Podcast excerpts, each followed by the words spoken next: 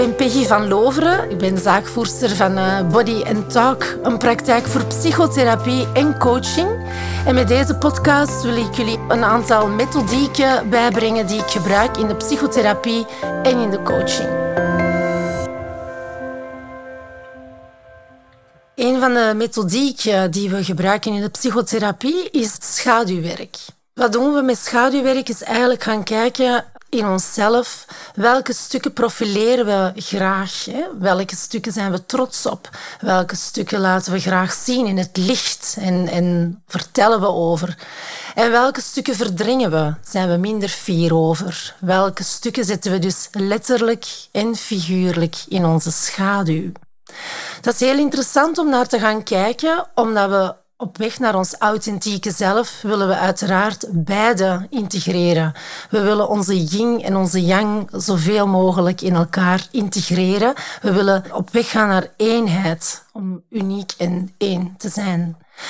Een mooi verhaal die eigenlijk heel hard is symboliek van het, donkere en het lichte, de schaduw en de persona in de verf zet, is eigenlijk heel toepasselijk. Hè? Binnenkort is het zover. Dat is het verhaal van Sinterklaas.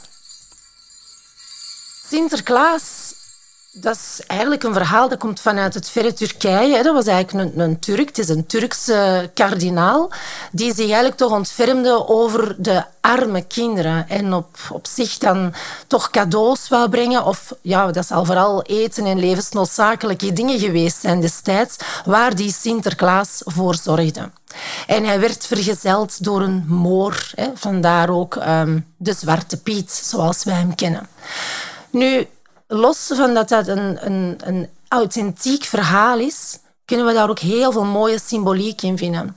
Want die Sinterklaas gaat op stap met zijn donkere, zwarte knecht om iets goeds te brengen.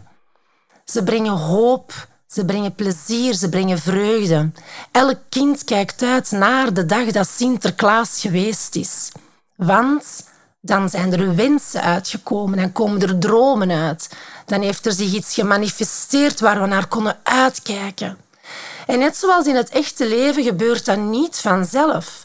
We moeten daar van alles voor doen. Die cadeaus vallen niet uit de lucht. Die goede dingen gebeuren niet vanzelf. We moeten daar iets voor doen. Dus ook Sinterklaas en Zwarte Piet. Zij bevestigen dat feest van de hoop, dat feest van de vreugde.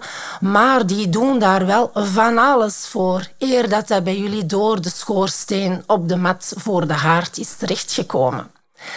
Sinterklaas en Zwarte Piet, zelfs met hun paard, gaan helemaal over de daken. Dat is een hele tocht. Best wel moeilijk, denk ik, soms voor zo'n oude man. Hè? En dan komen ze aan bij die schoorsteen.